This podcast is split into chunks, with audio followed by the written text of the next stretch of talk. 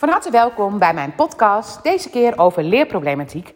En niet voor niks spreek ik dat nu in, want ik heb net een sessie afgesloten met een volwassen vrouw, een moeder van een lief meisje, met een grote zorg ten aanzien van haar kind, maar eigenlijk ook nog heel veel zorgen ten aanzien van haarzelf, omdat ze anders is dan anderen. En volgens mij is iedereen anders, maar zo ziet zij het niet. Zij was werkelijk anders. Want er gingen mensen haar observeren tijdens school, dat had ze allemaal echt wel door. En ze deed het anders dan de anderen, dus zij hoorde er niet bij. Voor haar gevoel. Nou, waar ik ehm, toevallig, tussen aanhalingstekens, vanmorgen nog dacht aan iemand met dyslexie. En ik nu tegen de hoogbegaafdheid en hooggevoeligheid aanloop, wilde ik heel graag een podcast opnemen om dit systeem uit te leggen. Want ik zie zo ontzettend veel kinderen die hiermee worstelen. En ik zie ook zo ontzettend veel volwassenen. Met als ik dan in de regressie ga, in de regressie ga je eigenlijk, zeg maar door middel van iets waar je nu tegenaan loopt, ga je terug in de tijd naar een eerder moment dat je dat hebt ervaren. En ik kom echt zo vaak op schoolmomenten terecht. In schoolsystemen terecht. In momenten dat ze geobserveerd worden. In momenten dat de toetsen gemaakt moeten worden. Of dat ze cijfers terugkrijgen. En dat soort momenten kunnen bij kinderen ongelofelijke imprintingen geven.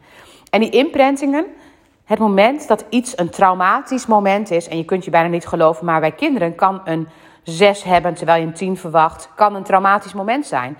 En bij een kind kan het echt een traumatisch moment zijn als de juf aangeeft dat jij anders bent dan de anderen. Oftewel, of aanvoelt zeg maar dat je anders bent dan de anderen. En dat er bijvoorbeeld iemand komt observeren om te zorgen dat de juf jou kan aan kan, dat hij iets met jou kan.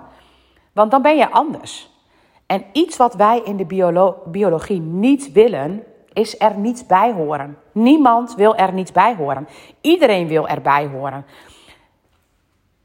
Afwijzing is eigenlijk een van de grootste items waar wij voor gaan, wat je niet zou willen. Het moment dat je ergens niet bij de roedel hoort, het moment dat je het anders doet. Nou, kijk nu op dit moment naar de gevaccineerden en de ongevaccineerden. De gevaccineerden, zeg maar, die horen bij de gevaccineerden. En we maken samen een groep tegen de ongevaccineerden. Terwijl het er volgens mij niet om gaat of iemand gevaccineerd of ongevaccineerd is. Maar het is belangrijk om iedereen in zijn vrijheid te blijven zien. Nou, nu maak ik misschien daar wel een bepaalde mening over. Maar het gaat er maar echt, heel, echt zo essentieel dat we niet dat simplistische beeld van de biologie. Dat we nog bij een roedel zouden moeten horen. Dat we daar niet ons in gaan verliezen. Dus het moment dat ik bijvoorbeeld het precies zo zou willen doen als iemand anders, omdat ik er dan bij hoor, dan verlies ik mijn eigen identiteit. En in de biologica horen verschillende conflicten. Dingen die in ons systeem zijn, die in conflict zijn met elkaar, waardoor we op een gegeven moment een conflict in onszelf hebben. Nou, als je kijkt naar um, uh, het roedel zijn, ergens bij willen horen, dan voel je je dus afgewezen als je er niet bij hoort. En dan heb je misschien het gevoel dat je het niet waard bent of dat je er niet bij hoort. Heb je een eigenwaardeconflict. Wat heel veel spier- en botklachten, of nee, alle bot- en spierklachten horen bij eigenwaardeconflicten. Dus dan krijgen we in ons lichaam klachten omdat wij dat eigenlijk niet willen. Want we willen erbij horen, we willen het waard zijn. Nou, een kind komt in het systeem alleen al door in een groep te zijn met kinderen en door op een school te zijn waar het misschien soms zich helemaal niet thuis voelt. Of door in een speeltuin te spelen waar al groepjes tegen elkaar um, uh, aan het spelen zijn. Of door misschien in een pestsituatie te zitten. Komt het heel snel in een systeem waar het afgewezen gaat worden. En stel je voor, ik zou gevoelig zijn voor afwijzing. En hoe kleiner je bent, hoe meer gevoelig je voor afwijzing bent. Want stel je voor, ik hoor er niet bij dan overleef ik het niet. Dat is onze biologie, dat is onze imprinting. Dus stel je voor, ik zou nu iets verkondigen waar de hele wereld over me heen zou vallen. Dan hoor ik er niet bij. En dan zou ik daar heel bang voor kunnen zijn. Dus dan zou ik het ook niet kunnen uitspreken. Maar het is niet wat ik, uh, waar ik bang voor ben. Dus ik spreek het wel uit. Maar het is niet dat ik nu hele gekke dingen ga zeggen. Maar stel je nou eens voor dat je anders durft te zijn. Stel je voor, je durft je helemaal anders te kleden. En iedereen kijkt naar je en iedereen vindt wat van je. Eigenlijk is dat zo idioot knap. Want eigenlijk is het zo durven uit een roedel te stappen, durven je eigen ik te zijn, durven in je eigen identiteit te staan en niet hetzelfde te willen zijn als iemand anders. Je op te vallen, anders te zijn. Nou, als je kijkt naar kinderen, dan willen kinderen in principe niet opvallen of anders zijn. Ze willen er heel graag bij horen. En er zijn kinderen bij wie in het systeem, in het familiesysteem, wel thema's zitten op dit stuk. En dan zijn er kinderen die dan, vaak broertjes en zusjes, de ene die past zich volledig aan en die ziet er qua kleding precies zo uit als de anderen. En de andere doet juist heel extreem de andere dingen puur omdat hij daar doorheen gaat en durft zichzelf anders neer te zetten als een soort conflict. Want dan zie je eigenlijk een conflict. Oftewel, als je een ouder hebt, je hebt een vader en een moeder, en je hebt kinderen, dan zie je vaak bepaalde thema's die in conflict zijn met elkaar bij je kinderen weer terug. Dan zie je bijvoorbeeld kind 1 zich vreselijk aanpassen en kind 2 kan zich helemaal niet aanpassen. En dan zie je kind 1 totaal voor de harmonie gaan en kind, kind 2 gaat voor alles eventjes boos worden. Dat conflict, dat is dan ook een conflict bij jouzelf als ouders. Dus als ouders geven wij conflicten mee aan onze kinderen. En onze kinderen laten dat weer extreem in uitersten aan elkaar zien. Dit is de Present methode, waar ik um, ook webinars over geef en lezingen. En wat echt zeer fascinerend is om naar te kijken, omdat het eigenlijk belangrijk is om te ontdekken wat voor conflicten je in je systeem hebt en waarom. Nou, nou dwaal ik een klein beetje af van de leerproblematiek. Maar ik wilde wel heel graag laten weten dat het heel vaak over conflicten gaat in het systeem. En dat een kind daar dus dan een soort van um, nou, de dupe van zou kunnen gaan worden. Dit meisje waar ik het nu over heb, of deze vrouw, maar ik zie dan een meisje voor mij, want die heeft in groep 3 voelde zij zich heel anders. Ze was heel fladderig, ze kon niet zo goed op de stoel zitten, ze kon, um, nou, ze had de aandacht er niet snel bij, ze wilde eigenlijk het liefst de hele dag dansen.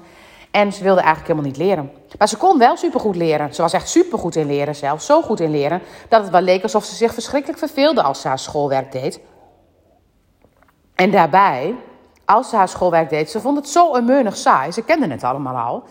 Dus eigenlijk wist de juf zich geen raad. Ze had een klein vlindertje in de klas gekregen, die ook nog wel heel vrolijk was, maar die zichzelf al anders voelde als de anderen. Want dat voelde ze al in groep 3. Ze voelde dat ze anders was, want de juf vond haar anders. De juf corrigeerde haar meer. Ze, er was zelfs af en toe iemand in de klas die haar observeerde. Ook dat wist ze. Dus zij was anders. Maar dat wil je als kind niet. Je wilt niet anders zijn. Maar je kunt jezelf ook niet onderdrukken. Dus stel je voor, ik zou dat meisje zijn. En ik voel mij anders in een groep. Dus ik ben nu in een groep en ik voel mij zo anders. Ik voel mij zo niet thuis. Wat gaan we dan doen? Onze hele biologie, en naarmate je ouder wordt, is het soms mogelijk om dat minder extreem te hebben. Maar hoe jonger je bent, hoe meer je in een alerte situatie komt. Want je hoort er niet bij. En als je er niet bij hoort, overleef je het niet. En als je niet overleeft, dan moet je dus maximaal alert zijn om te zorgen dat je het gaat overleven. En als je maximaal alert bent, dan gaat je reptiele brein aan. En dan gaat je reptiele brein een beetje een hogere hartslag kweken, een beetje meer stress kweken. En dan kun je alleen maar in de alertheid reageren. En dan ga je ook bij elk wissewasje reageren met vechten, met vluchten of verstarren. Want dat je er niet bij hoort, is een trauma op zich. Het is een trauma om er niet bij te moeten horen, mogen horen. Of te voelen dat je er niet bij hoort. Dus je probeert, koste wat kost, erbij te horen. Dat is jouw enige tool. Je wilt erbij horen. Het moment dat er niet bij horen voor jouw gevoel zo eng is, dat je daar alles aan moet doen, ga je dus in je reptiele brein. En als je in je reptiele brein gaat, dan heb je maar één brein waarmee je leert. Want in het reptiele brein, dus in het feit dat er een angst is. Stel je voor, we gaan weer naar het leeuw-situatie, waar ik al veel meer podcasts over op heb genomen. Er is blijkbaar een leeuw, ik hoor er niet bij en ik moet erbij horen. Dat is een overtuiging. Dat is een systeem. Ik moet erbij zien te horen. En dat deed ze dus ook. Ze ging zich echt maximaal grappig doen naar de andere kinderen, zeg maar. Ze hoorden er helemaal bij voor haar gevoel. Door als ze een beetje gek deed, dus heel intelligent, probeerde ze zichzelf erbij te laten horen. En je hoort het al, heel intelligent. Ze was niet vanuit haarzelf erbij, maar ze deed alsof ze erbij hoorde. Als je een leeuw hier in de buurt hebt, dus stel je voor, er komt nu een leeuw binnen, dan gaat mijn brein zich totaal focussen op die leeuw als ik ga vechten. Dus als ik ga vechten en zij heeft gevochten om erbij te moeten horen, je zou nog kunnen vluchten of verstarren. Maar ze heeft haar best gedaan om erbij te moeten horen. En als ik mijn best doe om erbij te moeten horen, dan ben ik de hele tijd alert op de buitenwereld om te kijken wat ik moet doen om erbij te moeten horen. Mijn brein is alleen maar bezig om erbij te moeten horen. Ik bouw een bepaalde spanning in mezelf op. Ik zit hoog in mijn ademhaling. Ik um, het, in mijn hersenen zeg maar, ben ik met één ding maar bezig. En sommetjes maken is dan echt niet mogelijk om te doen.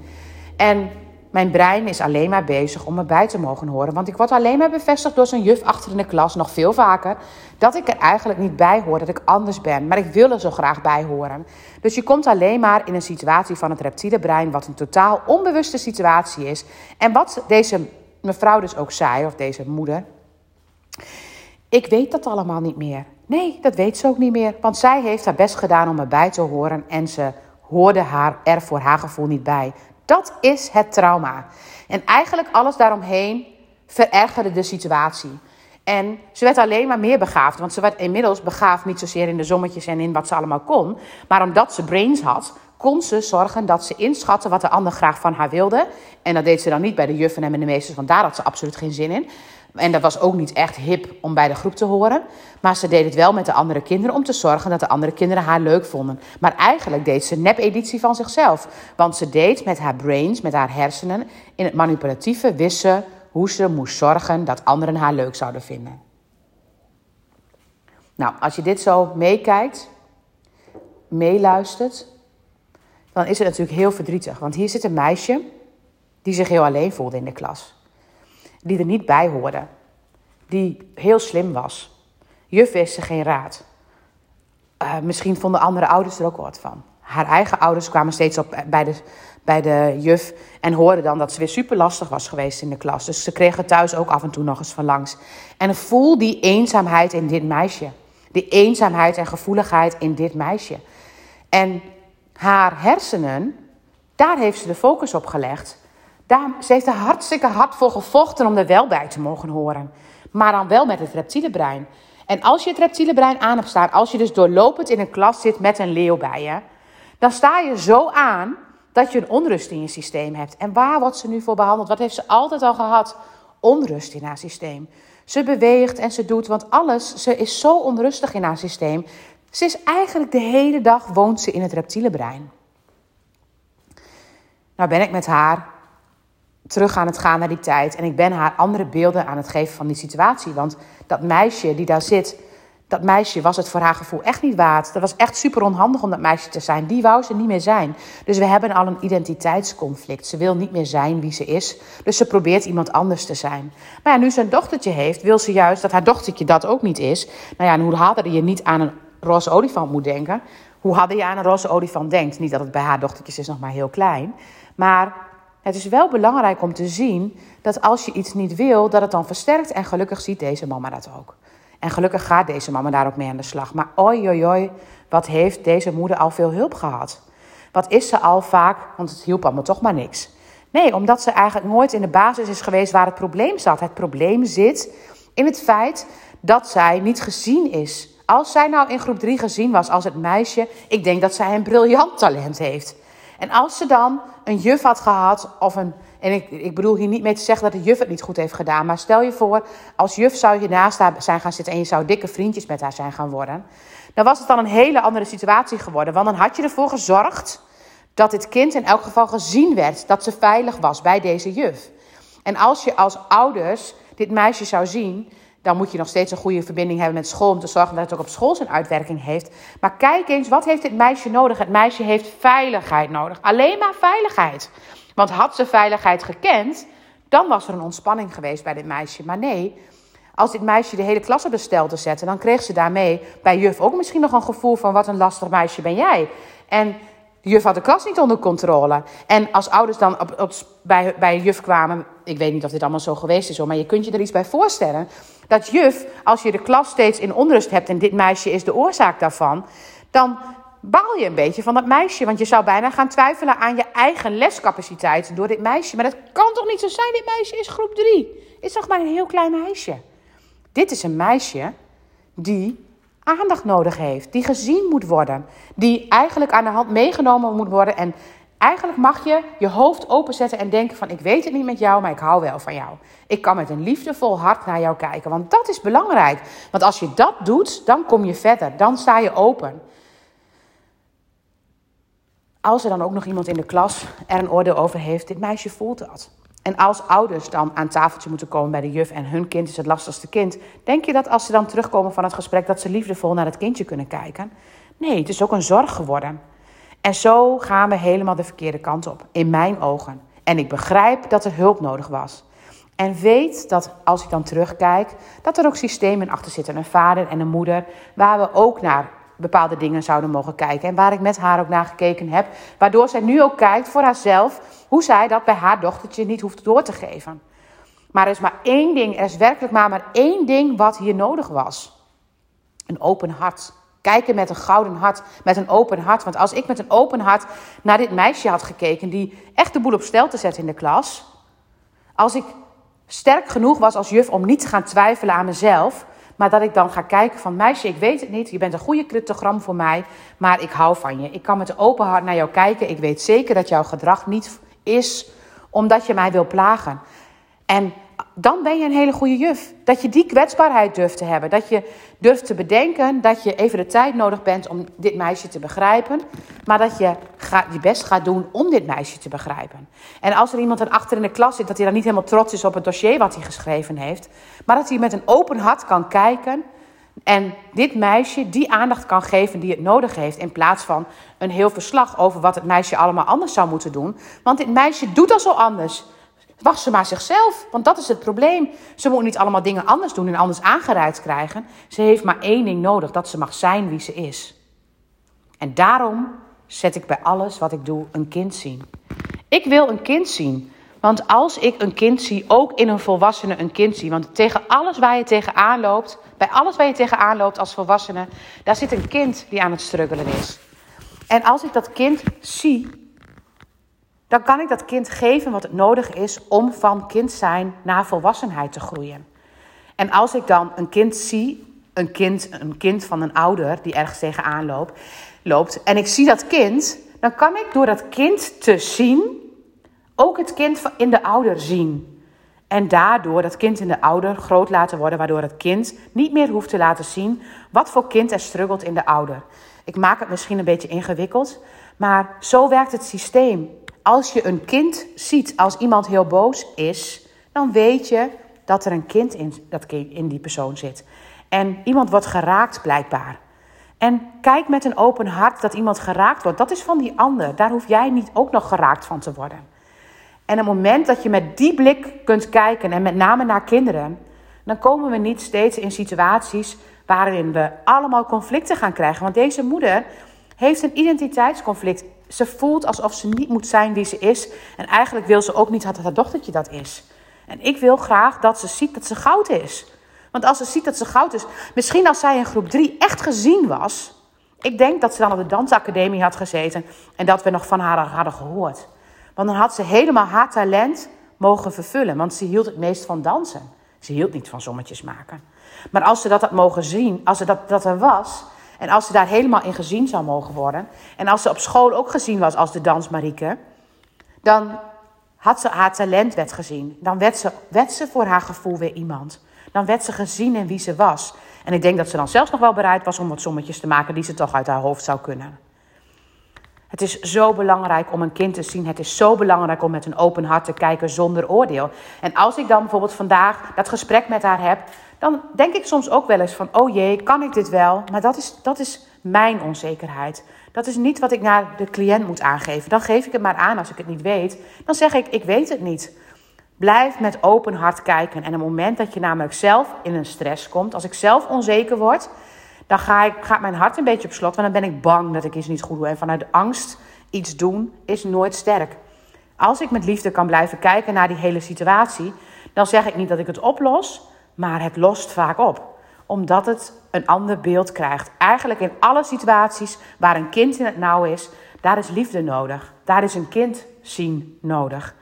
En kijk je naar welke problematiek dan ook, van ADHD naar dyslexie, naar hoogbegaafdheid, hooggevoeligheid, naar nou, PDD-NOS.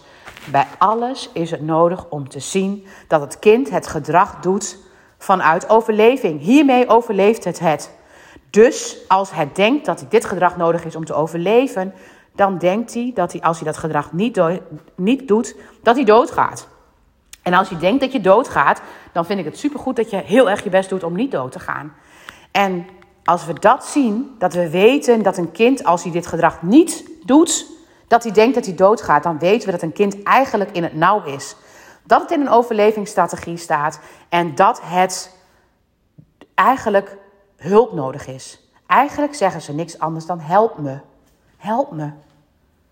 En ik denk, als we die kinderen zien en echt helpen, dan helpen we ze alleen maar door ze te zien.